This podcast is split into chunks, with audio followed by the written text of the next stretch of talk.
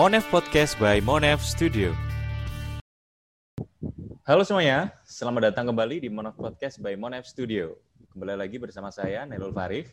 Hari ini saya senang sekali karena saya tidak sendirian, jadi saya akan ditemani oleh rekan saya di R&D, yaitu Mbak Natia. Halo Mbak Natia. Halo Nailul. Apa kabar nih Mbak? Kabar baik, alhamdulillah. Nailul apa kayaknya. kabar? Iya nih, malam minggu baik. soalnya. Malam minggu soalnya ya. Iya. Eh, Oke, jadi di episode kali ini kita akan membahas tentang pembangunan bersama narasumber kita, yaitu Mbak Umi Hani, founder dari Monev Studio. Halo Mbak Umi, apa kabar? Halo Nailul, kabar baik, alhamdulillah. Halo Ya. Natia, Oke, eh, jadi akhir-akhir ini kan kita dihadapkan dengan berbagai isu kebijakan pembangunan yang menimbulkan pro dan kontra. Eh, seperti kebijakan pembangunan infrastruktur nih, infrastruktur Bapak Jokowi yang eh, dalam tanda kutip ambisius, yang membutuhkan biaya yang sangat besar, sehingga utang luar negeri membengkak, kemudian ada reklamasi, RUU KPK, kartu prakerja, dan yang terakhir yang masih hangat terkait penanganan pandemi COVID-19 dan yang saat ini juga masih eh, banyak diperbincangkan yaitu Undang-Undang Omnibus Law Cipta Kerja. Eh, namun yang jadi concern di sini adalah eh, terlepas dari fak- faktor politik, ternyata isu-isu pembangunan cukup menarik nih bagi kita kaum muda dalam hal ini generasi milenial dan Z. Didukung dengan adanya undang-undang kebebasan berpendapat serta peran dari media sosial nih yang membuat informasi eh, begitu cepat dan begitu luas. Namun di sini yang perlu digarisbawahi adalah eh, bahwa ternyata ada kepedulian nih bagi kaum muda terhadap proses pembangunan bangsa dan negaranya. Maka dari itu kita hari ini akan membahas terkait pembangunan nih, Mbak. Nah, pertama ngomong-ngomong soal pembangunan nih, eh, sebenarnya eh, makna dari pembangunan sendiri itu apa sih? Ya, jadi eh, pembangunan itu maknanya eh, contested concept, artinya konsep yang banyak diperdebatkan karena eh, aspek eh, multidimensionalitasnya, terus eh, paradigma atau cara pandang dalam melihat pembangunan itu kan juga beda-beda tiap orang. Jadi by definition itu kemudian eh, jadi muncul eh, banyak eh, definisi eh, tergantung eh, cara pandang kita. Nah, ini juga berkaitan dengan school of thought ya. Jadi latar belakang pendidikan, terus berasal dari pengusung eh, pemikiran atau konsep yang mana. Ini juga kemudian eh, mempengaruhi cara kita melihat eh, pembangunan.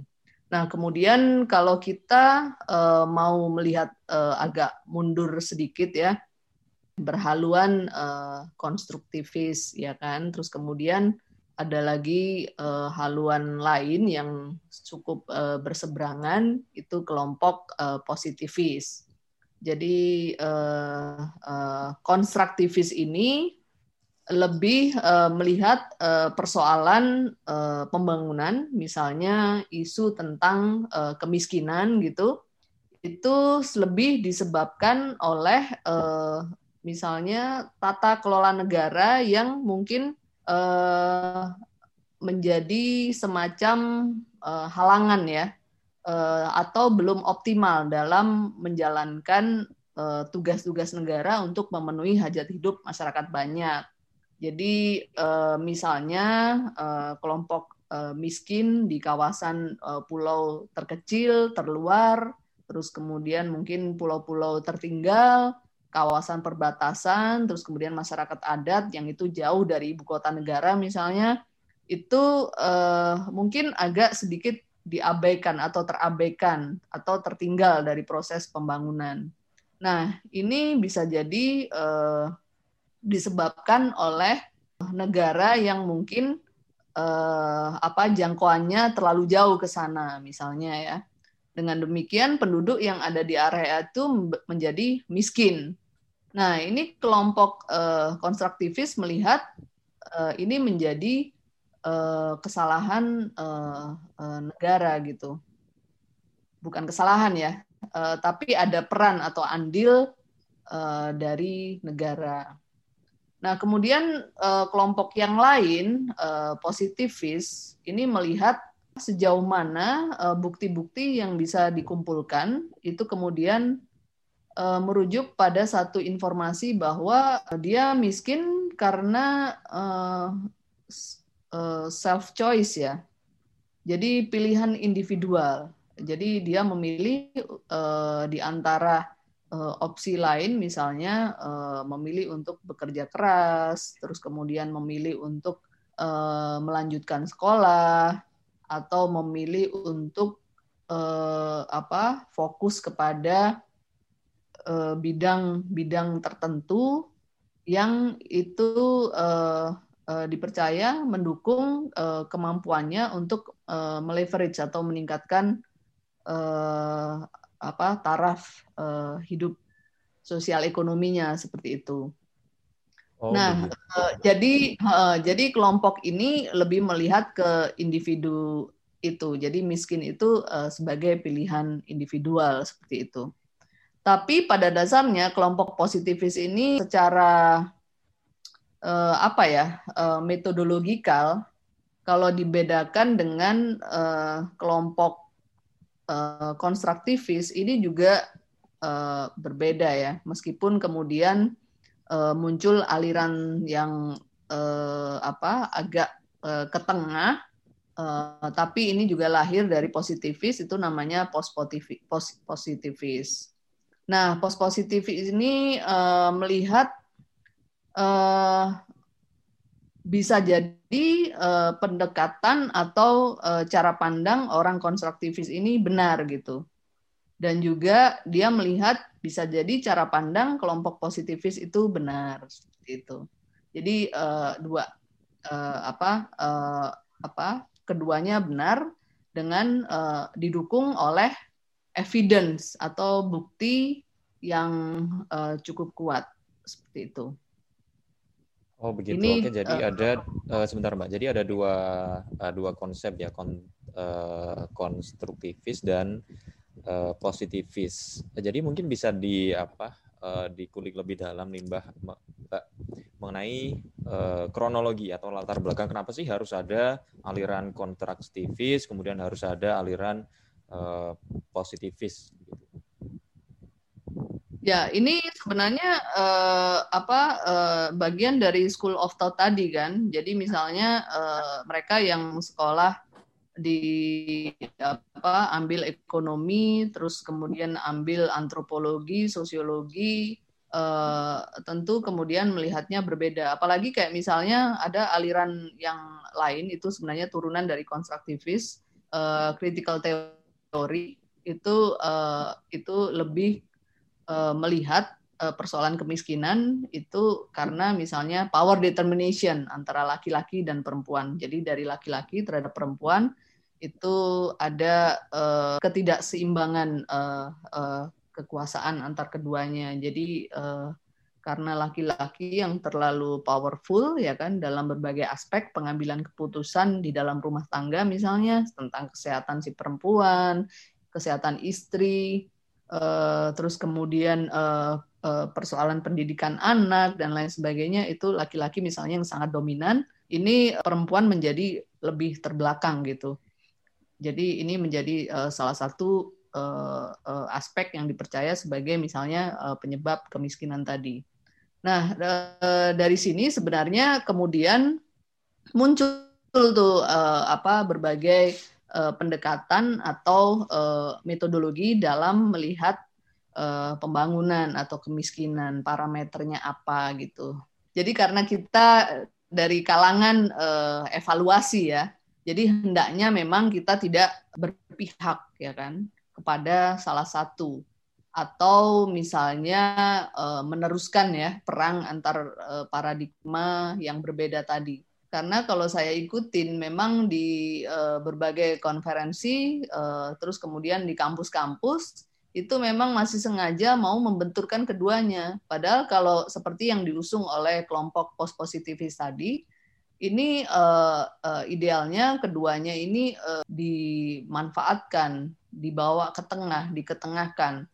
Uh, jadi makanya kemudian pendekatan-pendekatan uh, apa uh, penanganan kemiskinan, pendekatan pembangunan itu melihat uh, persoalan dari dua sudut pandang bahwa negara punya peran, tapi si individu uh, uh, apa uh, individu rumah tangga miskin tadi itu juga punya peran seperti itu.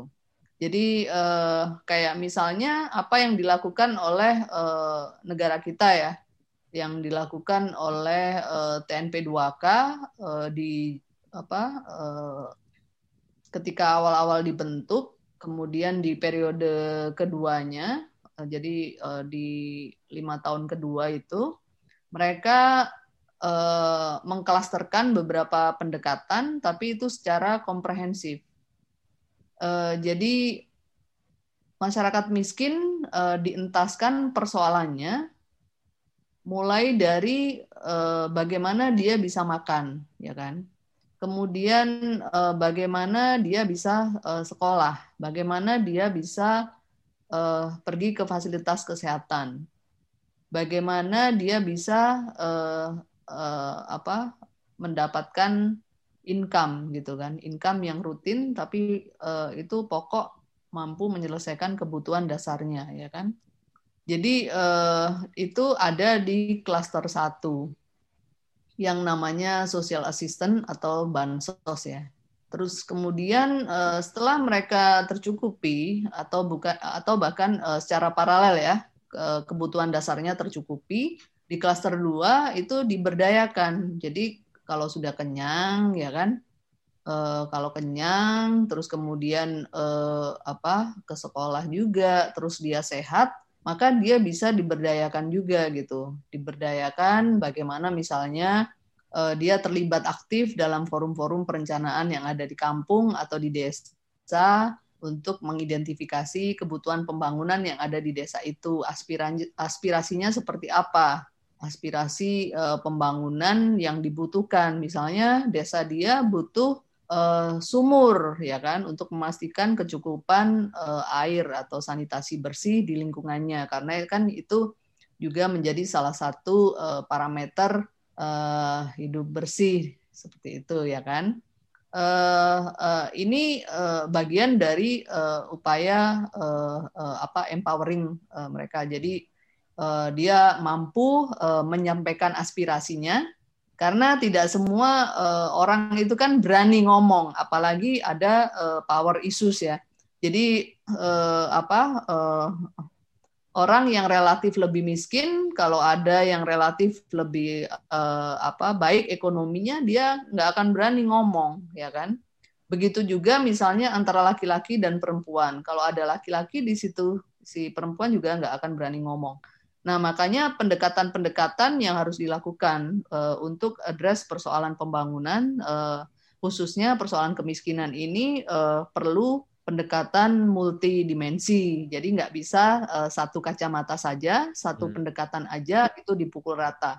Apalagi Indonesia ini kan sangat uh, plural ya, sangat beragam gitu kan. Uh, misalnya antara Jakarta dan Jawa Barat aja, meskipun itu uh, tidak jauh ya, uh, bahkan Bekasi mungkin ya, Natia yang tinggal di Bekasi itu uh, uh, dengan Jakarta yang hanya misalnya dua jam itu bisa uh, sangat uh, berbeda ya masyarakat uh, dalam uh, apa melihat uh, kebutuhan pembangunannya gitu. Nah, makanya uh, ya mungkin kalau di kampus-kampus waktu kuliah itu kan uh, sering apa uh, Nailul kan dari ekonomi paling uh, parameter uh, pembangunan itu kan pakai GDP per kapita ya kan. Terus kemudian uh, naik ke uh, apa semester berikutnya mulai dikenalkan dengan poverty count index ya kan, poverty gaps index, terus life expectancy gitu-gitu. Nah, apalagi uh, Natya itu kan dari uh, public health. Nah, ini uh, lebih ke uh, fraktivis ya, lebih ke sana. Jadi iya. ekonomi yeah lebih ke positivis, uh, tapi makin ke sini uh, apa uh, apa uh, makin lentur ya. Jadi upaya untuk menjembatani uh, uh, keduanya itu juga uh, makin uh, banyak gitu. Nah, uh, dengan demikian uh, kita juga mengikuti ya bagaimana kemudian metodologi metodologi atau pendekatan-pendekatan pengukuran uh, pembangunan dan uh, kemiskinan itu makin beragam ya kan. Terus kemudian ada uh, uh, apa? pengukuran ketimpangan ya, mulai uh, Gini koefisien gitu kan. Terus ada in apa inequity index gitu kan. Terus uh, misalnya soal uh, pengukuran well-being, kemudian uh, happiness gitu kan. Well-being mungkin uh, terangkum dalam uh, indeks pembangunan manusia gitu kan terus kemudian ada happiness index uh, yang dulu banyak uh, apa uh, didiskusikan yang dipromosikan oleh negara di uh, Butan ya. Terus kemudian berkembang lagi bicara soal uh, ini uh, kapabilitas. Jadi uh, parameter uh, pembangunan uh, ini juga melihat uh, seberapa jauh negara ini mampu meningkatkan kapabilitas uh, uh, warga negaranya seperti itu. Nah, kemudian makin maju lagi bicara soal social freedom, ya kan? Terus kemudian political freedom sampai dengan uh, pembicaraan uh, misalnya development from outer space. Itu uh, uh, bagaimana uh, apa uh, menyandingkan uh, apa hasil-hasil pembangunan ini dengan uh, sustainability dari planet kita seperti itu. Oke, okay, hmm. tapi kan ada uh, ini ngomong masalah parameter ya, kan memang macam-macam. Memang dulu uh, uh, pas saya kuliah kan ada yang namanya GDP (Gross Domestic Product), ada yang namanya GNP. Tapi ada uh, satu indeks yang belum sempat disebutkan Mbak Umi nih, uh, yaitu terkait indeks pembangunan manusia terlebih sekarang yang yang digaungkan dengan pemerintah sekarang kan pembangunan manusia nih. Nah terkait dengan indeks pembangunan manusia itu itu gimana sih mbak? Kenapa harus menjadi ukuran? Harus uh, manusia yang menjadi ukuran dalam uh, apa ya uh, keberhasilan suatu pembangunan? Uh, jadi itu seperti yang uh, saya sampaikan tadi uh, apa bahwa uh, diskursus tentang uh, persoalan uh, pembangunan ini kan uh, memerlukan pendekatan multidimensionalitas gitu karena makin ke sini makin uh, kompleks ya kan. Nah, uh, mengenai uh, pendekatan atau parameter yang dipakai IPM itu juga uh, salah satu karena uh, pemerintah juga tidak hanya menggunakan IPM sebagai parameter pembangunan mereka ya kan? Uh, tapi juga menggunakan parameter yang uh, apa bermacam-macam. Misalnya melihat uh, persoalan kemiskinan itu dilihat uh, dari sisi konsumsinya dari sisi pendapatannya dari sisi uh, makin ke sini misalnya yang seperti saya sebutkan tadi seberapa jauh uh, hak-hak dia, hak politik, hak kebebasan berpendapat, berkumpul itu juga dipenuhi, oleh negara. Nah, makin ke sini diskursus tentang pendekatan uh, apa pembangunan yang lebih uh, komprehensif dan uh, meaningful ya, yang lebih bermakna itu juga makin mengedepan. Nah, yang saya jelaskan tadi tentang parameter yang dipakai ya, itu sebenarnya untuk saling meng, uh, apa ya, uh, membackup ya.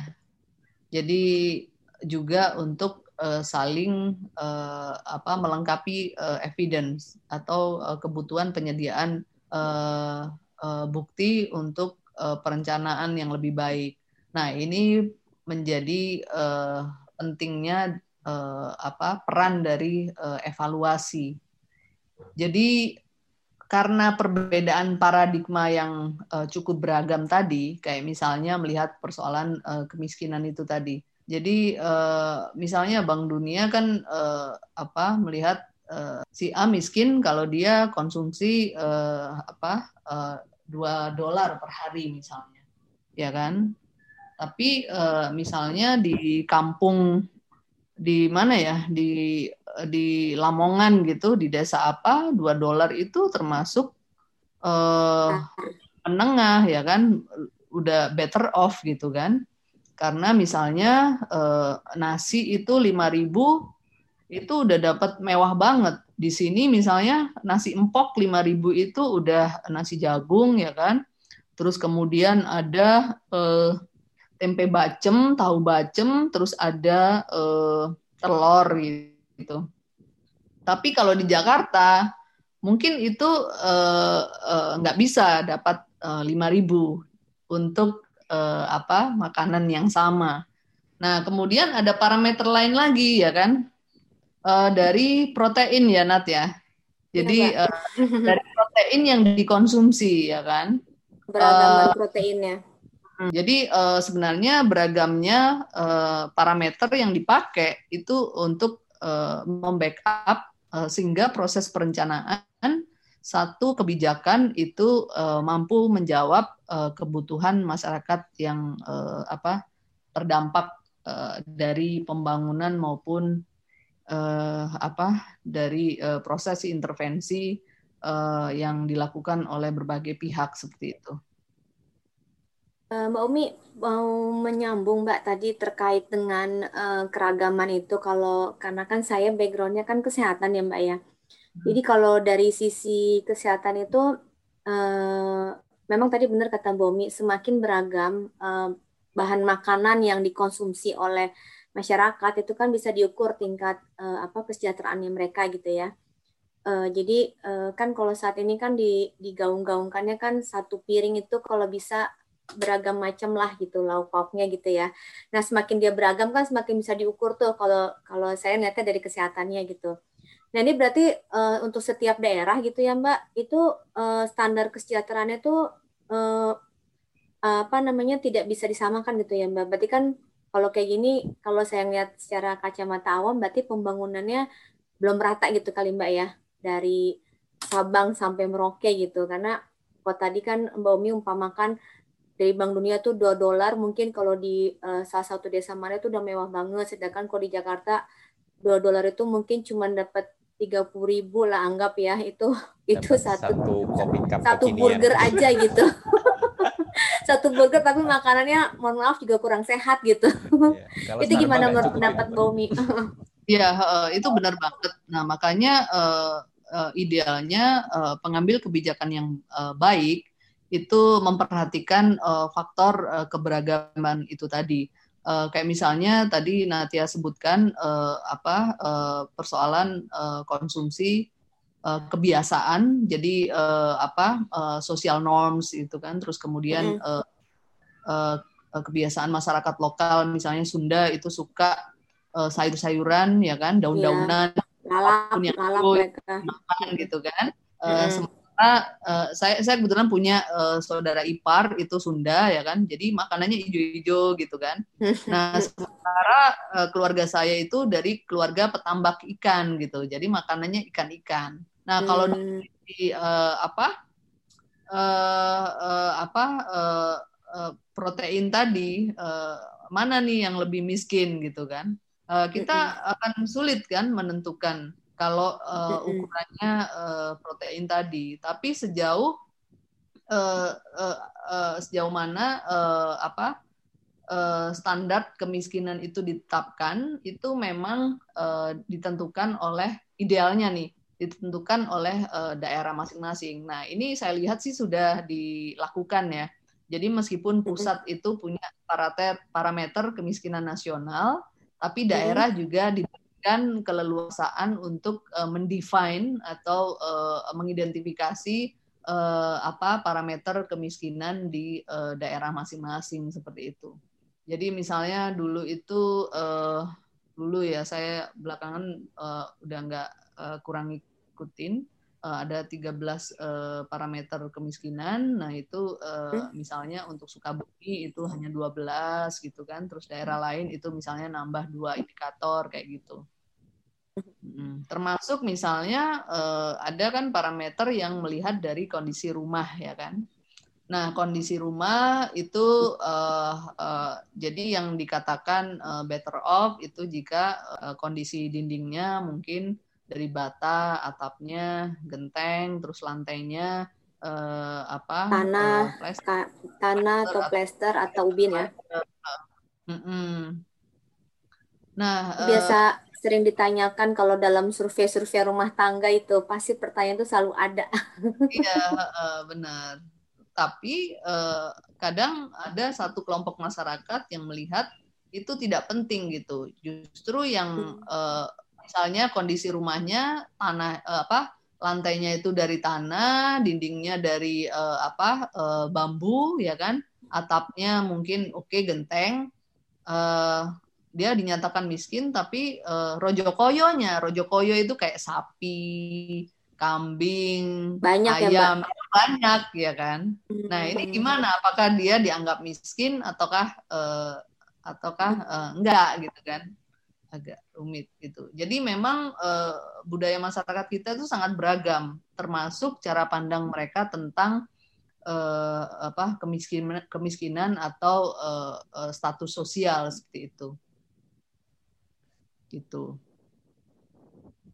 Ya, Tapi... Mbak tadi uh, Mbak Omi menyebutkan terkait salah satu uh, bukan Mbak, Mbak Omi ya tadi Nailon menyebutkan adalah salah satu uh, dalam mencapai pembangunan itu ada salah satu parameternya ada indeks pembangunan manusia ya Mbak ya.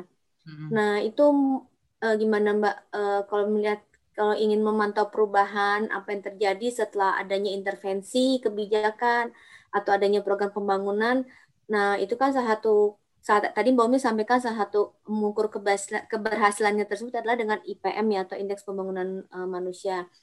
Uh, ini kalau boleh tahu Mbak uh, dasarnya apa sih perhitungannya dalam menghitung Indeks Pembangunan Manusia tersebut gitu Mbak? Mungkin bisa diceritakan hmm. secara sederhana. Iya, soalnya belum kejawab tadi itu Mbak. Oh belum ya? Iya. Iya, jadi kalau IPM itu kan sebenarnya uh, dikembangkan oleh uh, Amartya Sen ya. Jadi memang uh, ini uh, apa uh, pada saat uh, MDGs ya, MDGs mm -hmm. itu yeah, kenalkan tahun berapa ya? Saya lupa ya. Uh, 2015. 2015. Pokoknya 2010 atau 2015 ya Mbak ya terakhir itu yang harus. Yang terakhir 2015. 5 tahun kan dia 2015 di, di, ya hmm. Paris ya Ya. Uh, jadi uh, eh, IPM ini uh, apa? Ini indikator yang uh, relatif menangkap yang dimaksud sebagai multidimensionalitas dari persoalan pembangunan tadi, ya kan? Karena dia uh, melibatkan uh, banyak uh, aspek ya. Uh, paling enggak dia mampu menangkap uh, paradigma uh, kelompok uh, apa yang berbeda tadi dalam satu uh, pendekatan yang itu uh, menjawab keduanya. Jadi uh, IPM itu melihat uh, pendapatan, kesehatan, pendidikan dan yang lainnya gitu kan. Nah, uh, dimensinya itu kan uh, sebenarnya ada uh, beberapa hal ya.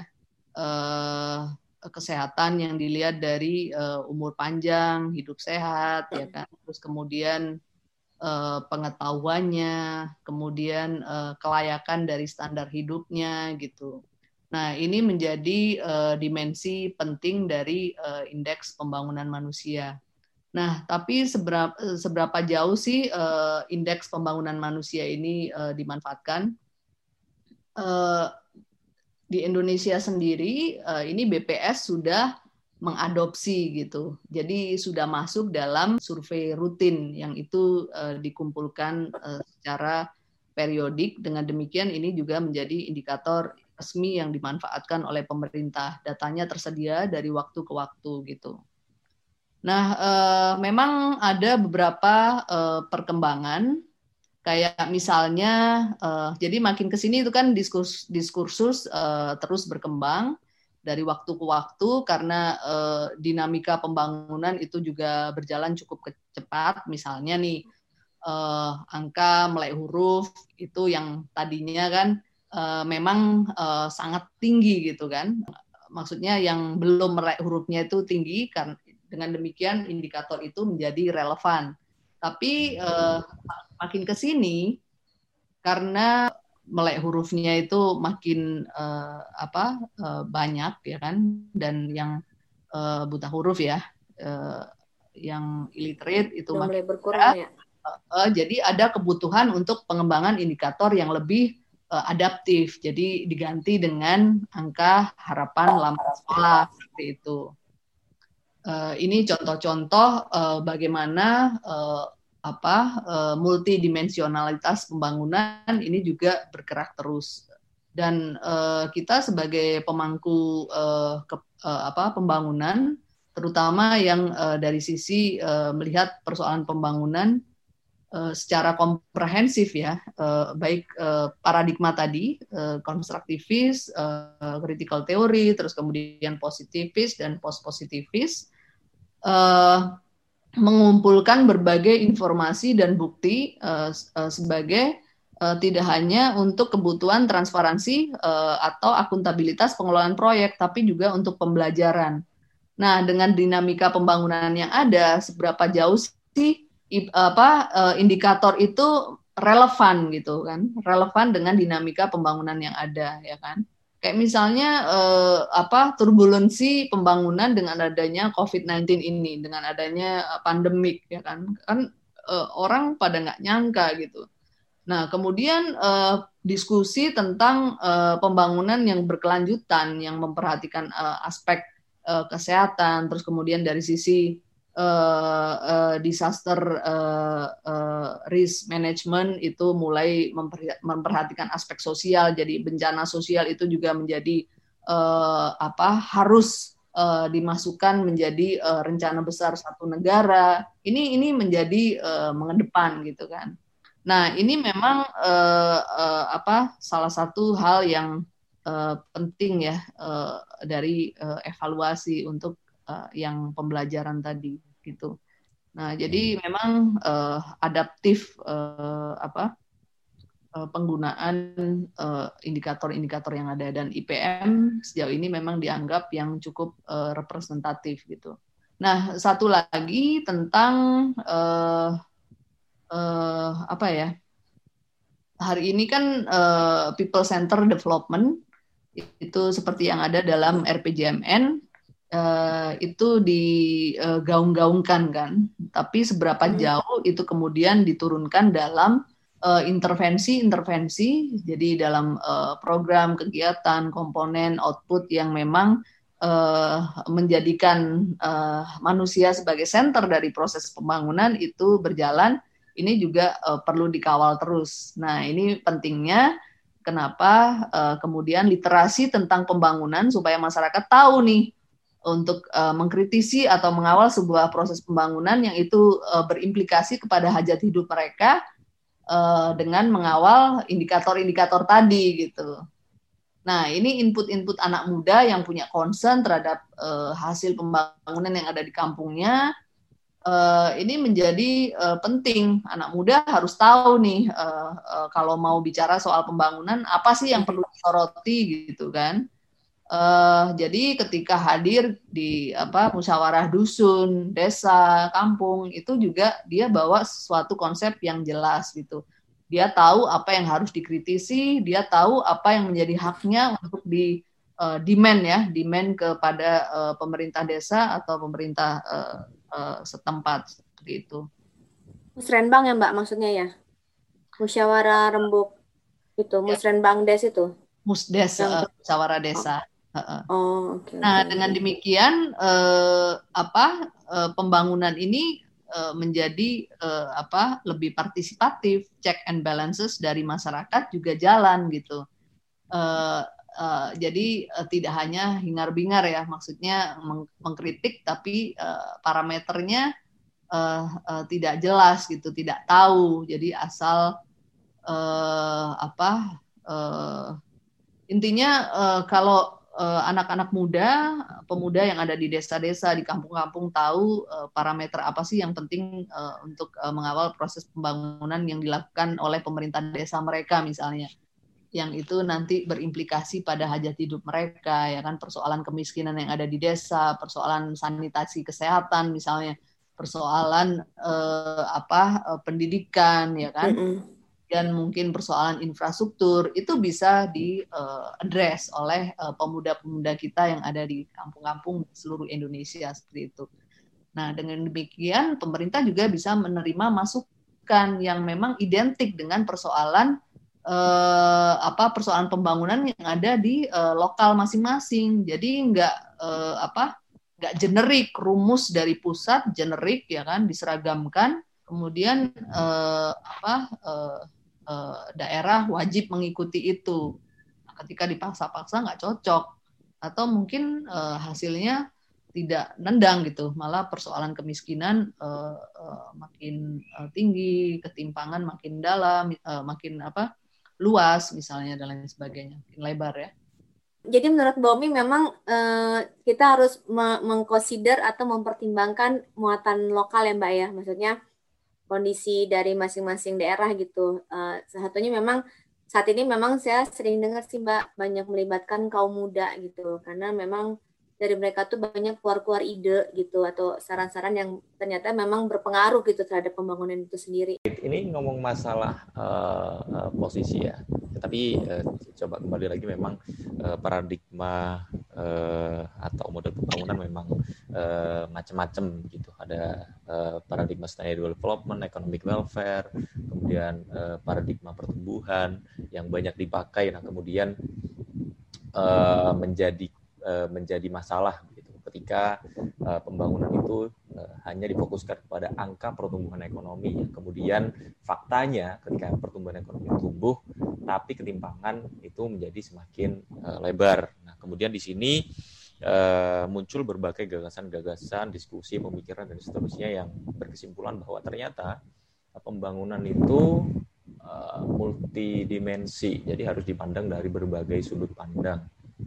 Nah, di sini memang uh, dibutuhkan peran dari uh, apa ya? Uh, dari banyak pihak dari pemerintah, uh, akademisi, uh, praktisi, kemudian khususnya anak muda nih. Nah, saya ini kan berbicara saya uh, kebetulan sebagai generasi milenial nih.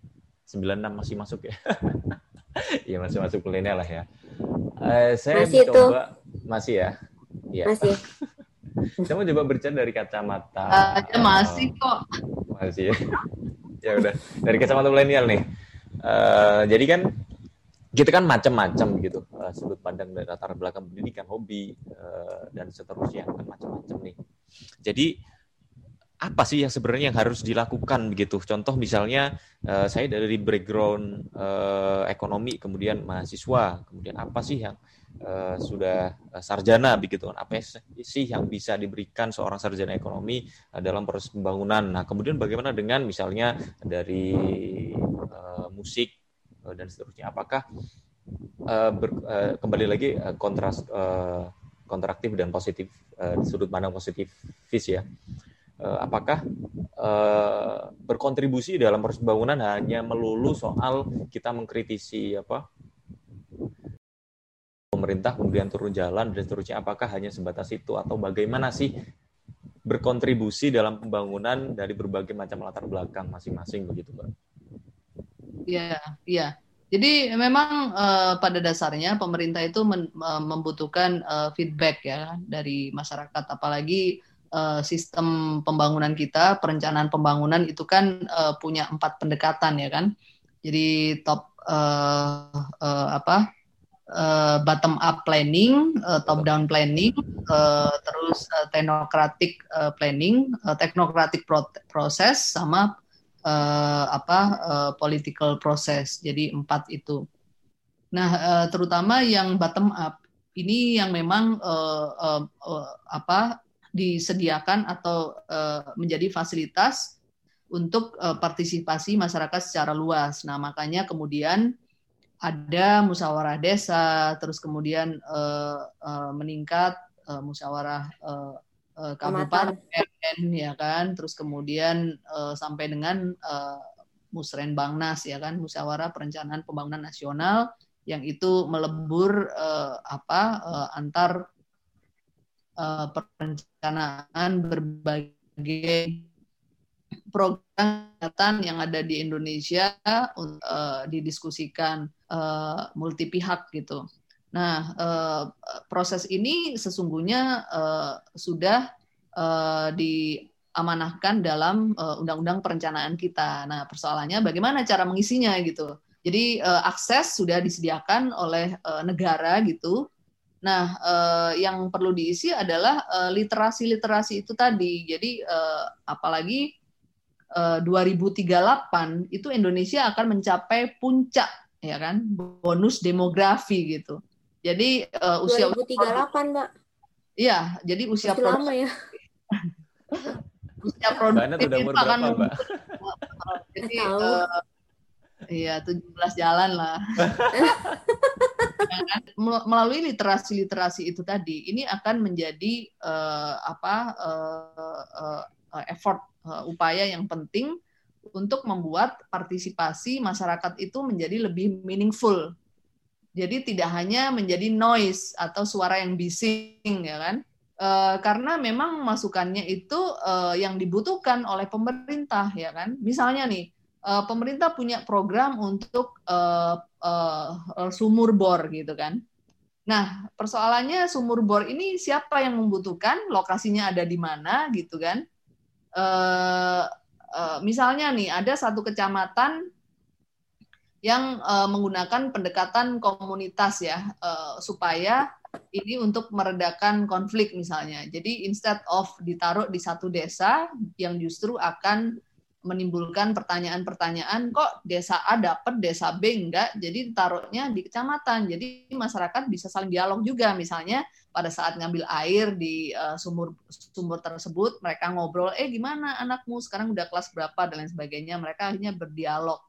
Jadi uh, makin banyak dialog uh, ini persoalan uh, apa uh, misunderstanding, uh, persoalan gosip dan lain sebagainya itu kan uh, mungkin diselesaikan di situ makin banyak silaturahmi, uh, konflik mereda mungkin ya. Jadi ini salah satu pendekatan-pendekatan pembangunan yang uh, uh, apa uh, mengakomodir suara-suara masyarakat lokal seperti itu. Nah, makanya bagaimana cara mengisi akses-akses uh, yang sudah disediakan oleh pemerintah tadi?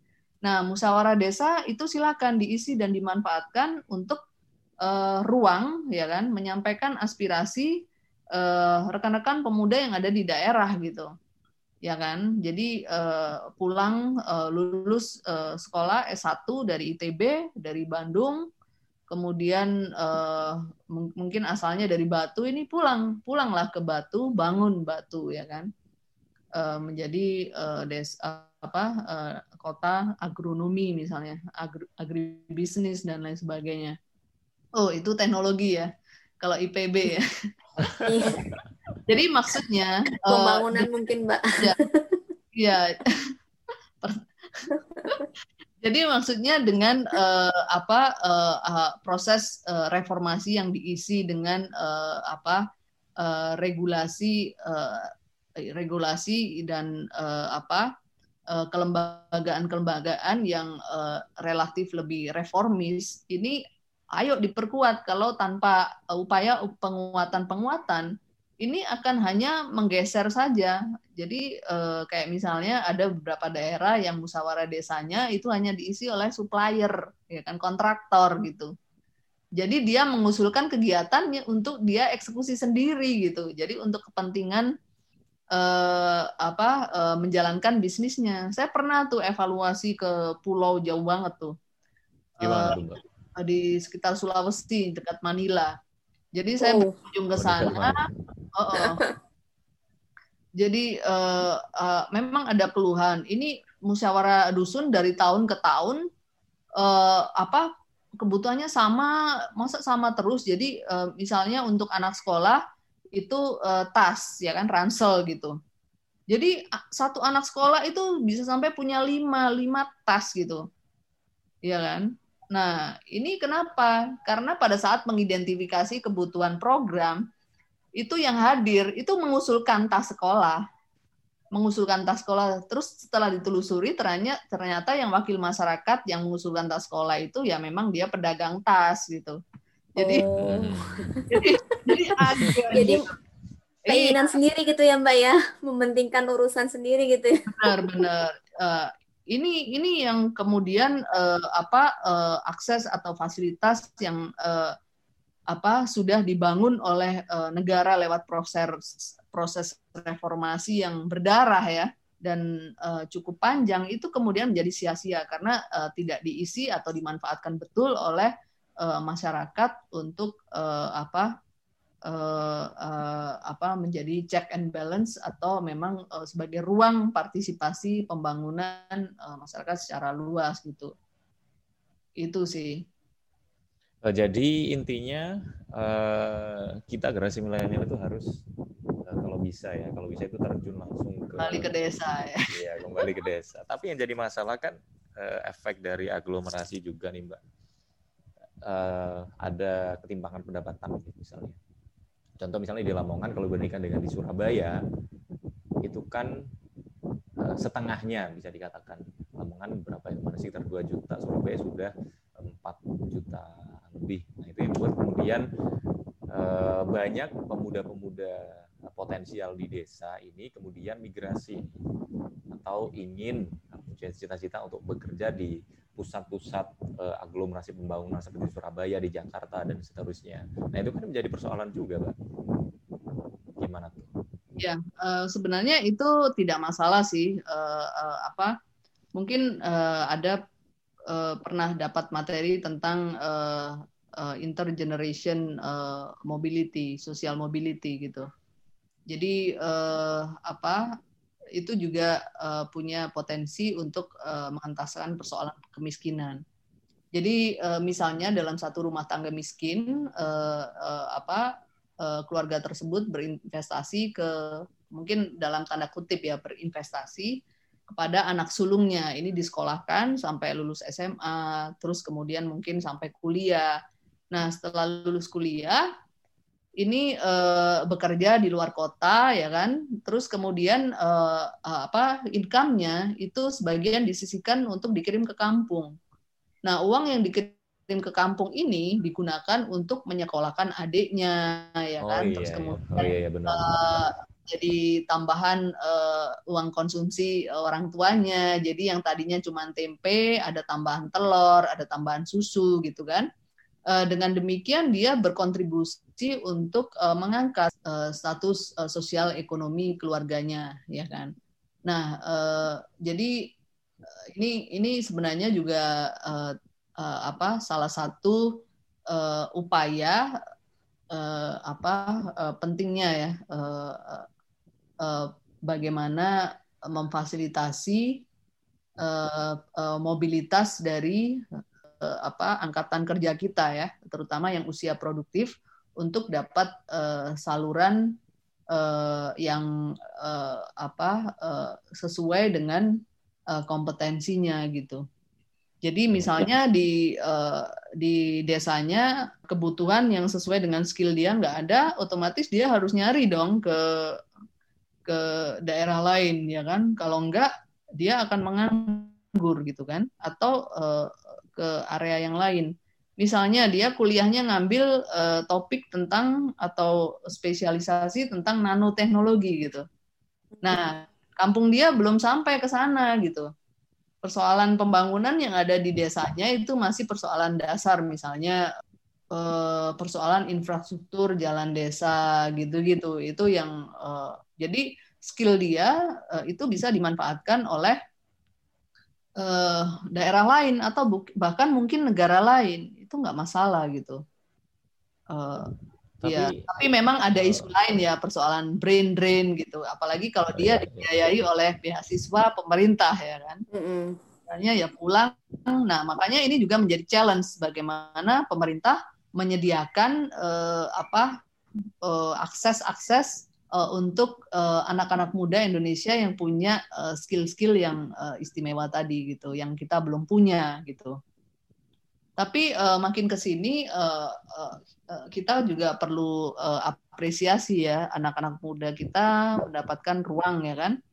Uh, meskipun uh, tidak semuanya karena pada dasarnya pilihan itu kan uh, kembali ke uh, ke mereka ya. Mungkin kalau di Indonesia gajinya nggak seberapa, tapi kalau di luar negeri itu uh, apa uh, engineer atau insinyur uh, nanoteknologi itu mungkin uh, 10 kali lipat gajinya dibanding di sini misalnya ya kan uh, sebagai peneliti gitu. Sesuai dengan uh, apa yang dia dapat uh, di, di kuliahnya gitu ya Mbak ya. Hmm. Maksudnya dihargain lah untuk uh, profesi dia tersebut gitu. Hmm, hmm, hmm. Tapi kembali ke pertanyaan Nailul tadi, intinya uh, intergeneration mobility atau social mobility itu uh, menjadi uh, satu uh, pilar penting juga gitu untuk uh, mengentaskan persoalan kemiskinan. Itu. Berarti intinya di sini uh, tetap uh, berperan di uh, bidangnya masing-masing dan jangan lupa terjun uh, ke masyarakat begitu mbak ya, yang langsung interaksi langsung begitu. Nah tapi uh, di sini juga kan sekarang uh, era uh, digital nih, Internet of Things. Jadi internet sudah menjalar ke apa segala sendi kehidupan manusia khususnya anak muda nih apa apa uh, apa online. Nah, kemudian nah, tapi uh, tidak ke arah sana lebih kepada uh, media sosial. Nah, kan sekarang kayak uh, apa ya media sosial itu uh, sudah mendarah daging gitu di anak muda gitu kan. Nah contoh misalnya ada isu apa kayak mereka langsung tahu melalui uh, apa menu uh, tagar apa tagar viral di, di, di Twitter misalnya. Contoh kemarin ibu tahu uh, kenapa kok begitu booming khususnya di anak muda sampai generasi uh, rebahan itu sampai bisa turun jalan begitu kan. Nah tapi kalau saya melihat di sini kan kebanyakan uh, anak muda ini lebih banyak bersuara di uh, di media sosial. Saya menilai uh, yang dijelaskan bahwa tadi misalnya terjun-terjun langsung masyarakat ikut uh, mus apa musrin uh, itu proses sih. Uh, tapi intinya uh, semua saluran uh, komunikasi itu bisa dimanfaatkan untuk uh, meng, uh, menyuarakan aspirasinya ya kan? Jadi kita juga nggak perlu terlalu uh, menjudge ya uh, yang berkoar-koar di sosmed itu uh, kurang uh, kurang uh, uh, maksimal dibanding yang uh, demo langsung atau mungkin yang advokasi dengan audiensi dan lain sebagainya. Nah, semuanya punya peran sebenarnya ya kan. Oh iya iya. Itu uh, bagian juga dari proses ya kan. Uh, saya dulu mungkin juga beraninya lewat sosmed gitu kan, lewat Twitter ya kan. Uh, tapi kemudian karena uh, akses ke pengambil kebijakan langsung makin uh, terbuka, kemudian uh, kita manfaatkan uh, peluang tersebut untuk menyampaikan secara langsung gitu kan. Bahkan saya kan pernah juga jadi fraksi di DPR gitu. saya senang sekali waktu uh, yang saya susun itu dibacakan penuh pada saat paripurna ya kan. Bagi saya itu uh, apa saya bersyukur banget uh, siapa sih Umi gitu kan datang dari kampung gitu kan uh, kemudian uh, uh, uh, apa naskah tentang misalnya waktu itu interpelasi tentang BBM misalnya itu dibacakan. Nah ini kan uh, uh, apa uh, saluran aspirasi yang istimewa, tapi tentu tidak semua orang mendapatkan saluran aspirasi yang uh, sama ya kan. Jadi uh, uh, semua uh, saluran itu yang uh, mereka lakukan sepanjang mereka tetap kritis ya kan, tidak apatis itu perlu dikapitalisasi ya kan? Ah lu tuh cuman di sosmed doang jangan gitu. Atau mungkin yang yang perlu dilakukan adalah dengan uh, mengadvokasi mereka dengan mengajak yuk yuk uh, sekarang kita kan udah cukup lama di uh, di sosmed gimana kalau kita mulai audiensi gitu kan. Uh, intinya semua pihak ini perlu berkolaborasi gitu kan uh, uh, apa uh, supaya memang uh, apa check and balances dari masyarakat ini untuk pemerintah memang benar-benar uh, tersambung jadi aspirasi suara terus uh, mungkin hasil pantauan itu bisa di uh, diperdengarkan jadi kayak gitu sih Iya, iya. Hmm. Benar, Mbak. Ini saya jadi belajar banyak nih, Mbak. Mudah-mudahan saya juga belajar. Kalau nggak gini kan nggak uh, mungkin bisa lupa gitu. Jadi makin sering dialog itu kayak merefresh uh, pikiran kita. Iya gitu. iya benar. Saya juga sepakat tadi yang uh, dibilang Mbak Umi. Jadi intinya kita nggak uh, boleh saling menjudge ya antara yang mereka yang apa bersuara di media sosial atau turun jalan atau langsung advokasi masyarakat. Iya. Jadi intinya poinnya adalah kita ada kepedulian, ada kepedulian uh, untuk dalam masalah proses pembangunan uh, suatu negara, proses pembangunan bangsa. Toh intinya juga nanti manfaatnya juga kembali ke uh, diri kita masing-masing begitu. Iya. Kalau saya cukup sih. Kalau dari Mbak Natia? Makasih ya pertanyaan-pertanyaannya. untuk uh, uh, apa rekan-rekan seperti Nailul dan Natia seluruh Indonesia gitu. Amin. Siap, siap. Cukup sih. Karena kan saya memang ya. kalau di kesehatan itu ya Mbak, saya pernah baca gitu salah satu uh, uh, mungkin ini mengarah ke salah satu keberhasilan pembangunan ya dari setiap negara ya gitu. Bahwa negara dianggap uh, negara maju itu adalah kalau misalkan angka kematian ibunya tuh rendah gitu. Karena karena kan seorang ibu tuh melahirkan seorang penerus bangsa ya gitu. Angka kematian ibu dan kematian bayi rendah. Kalau misalkan terlalu tinggi angka kematian ibu di setiap negara sama bayi itu dianggap berarti e, negara tersebut itu belum mampu melindungi masyarakatnya gitu dalam hmm. memberikan pelayanan kesehatan gitu karena kan melihat kondisi geografis Indonesia ini kan e, masih banyak yang turun gunung ya Mbak. Terus kepercayaan juga terhadap uh, dukun itu kan masih tinggi ya karena memang tuh adat istiadat gitu ya. Nah itu jadi masih ada tuh Mbak saya... di Bekasi. Ah? Bukan. di Bekasi udah gak ada dukun dong.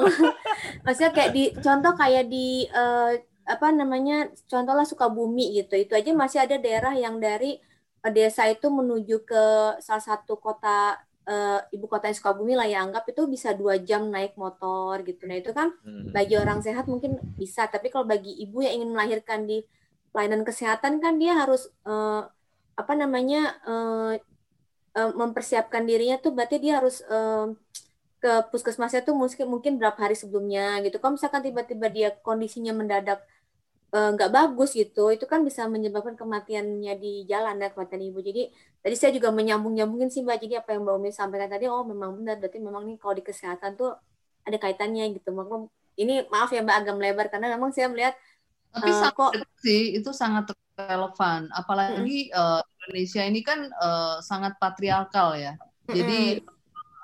Uh, angka kematian uh, ibu yang melahirkan itu juga relatif tinggi ya kan. Mm -hmm uh, meskipun uh, makin ke sini makin turun gitu. Iya. Hmm. Karena uh, per, apa keputusan uh, kesehatan uh, perempuan itu tidak sepenuhnya ada di uh, perempuan tersebut, Iya. kan? Jadi uh, di suami dan lain sebagainya. Jadi uh, di laki-laki atau ayah ya kan? Dan atau keluarga sekitarnya. Keluarga, uh, uh, mm -hmm Nah, termasuk misalnya uh, keputusan untuk menggunakan uh, apa KB ya. KB nah, ya. makanya ada satu rumah tangga itu yang anaknya misalnya 15 gitu. Gimana dia bisa mendidik 15 anak sementara uh, eh, mereka uh, si ibu juga dituntut dituntut untuk di rumah ya kan mendidik yeah. anak ya kan. Tapi uh, uh, gimana mau mendidik kalau apa tiap tahun uh, hamil ya kan dan melahirkan uh, satu belum bisa uh, berdiri uh, ya kan? Udah itu muncul sudah lagi. punya adik. Uh, gimana mau punya uh, anak yang uh, dengan uh, kondisi uh, gizi yang baik dengan kualitas pertumbuhan otak yang baik dengan pertumbuhan fisik yang baik. Nah makanya ini juga bagian dari uh, lingkaran kemiskinan yang salah satunya yeah. dikontribusi oleh uh, dominasi uh, gender itu tadi ya uh, apa uh, keputusan yang berkaitan dengan kesehatan si ibu tidak ada di tangan uh, si ibu tersebut gitu ya. Yeah. Uh, salah satu isu yang cukup pelik juga uh, di Indonesia gitu. Gitu yeah, sih. Iya. Ya Mbak, menarik sekali nih. Mantap nanti ya, kita diskusinya. Mantap. Nanti kita lanjutkan untuk tema-tema uh, berikutnya Mbak. Pasti saling terkait ini semuanya. Oke. Mudah-mudahan cukup jelas ya, nggak bingung cukup ya. jelas. ya. Dari Maaf saya sudah Nailul. Ya sudah ya. Oke, okay, uh, eh, sepertinya cukup nih. Uh, kita sudah berapa menit ya? Lama kayaknya. Oke, terima kasih Mbak Natia sudah menemani saya Ya, sebagai sama-sama, co-host Nailul. di Monet Podcast by Monet Studio. Kemudian terima kasih juga Mbak Umi kembali lagi bersedia untuk eh, mau sharing ilmunya bersama kita. Eh, cukup ya. Eh, oh iya, terima kasih juga buat sahabat-sahabat yang sudah stay tune untuk mendengarkan eh, diskusi kita. Eh, sampai jumpa di episode-episode berikutnya. Assalamualaikum warahmatullahi wabarakatuh.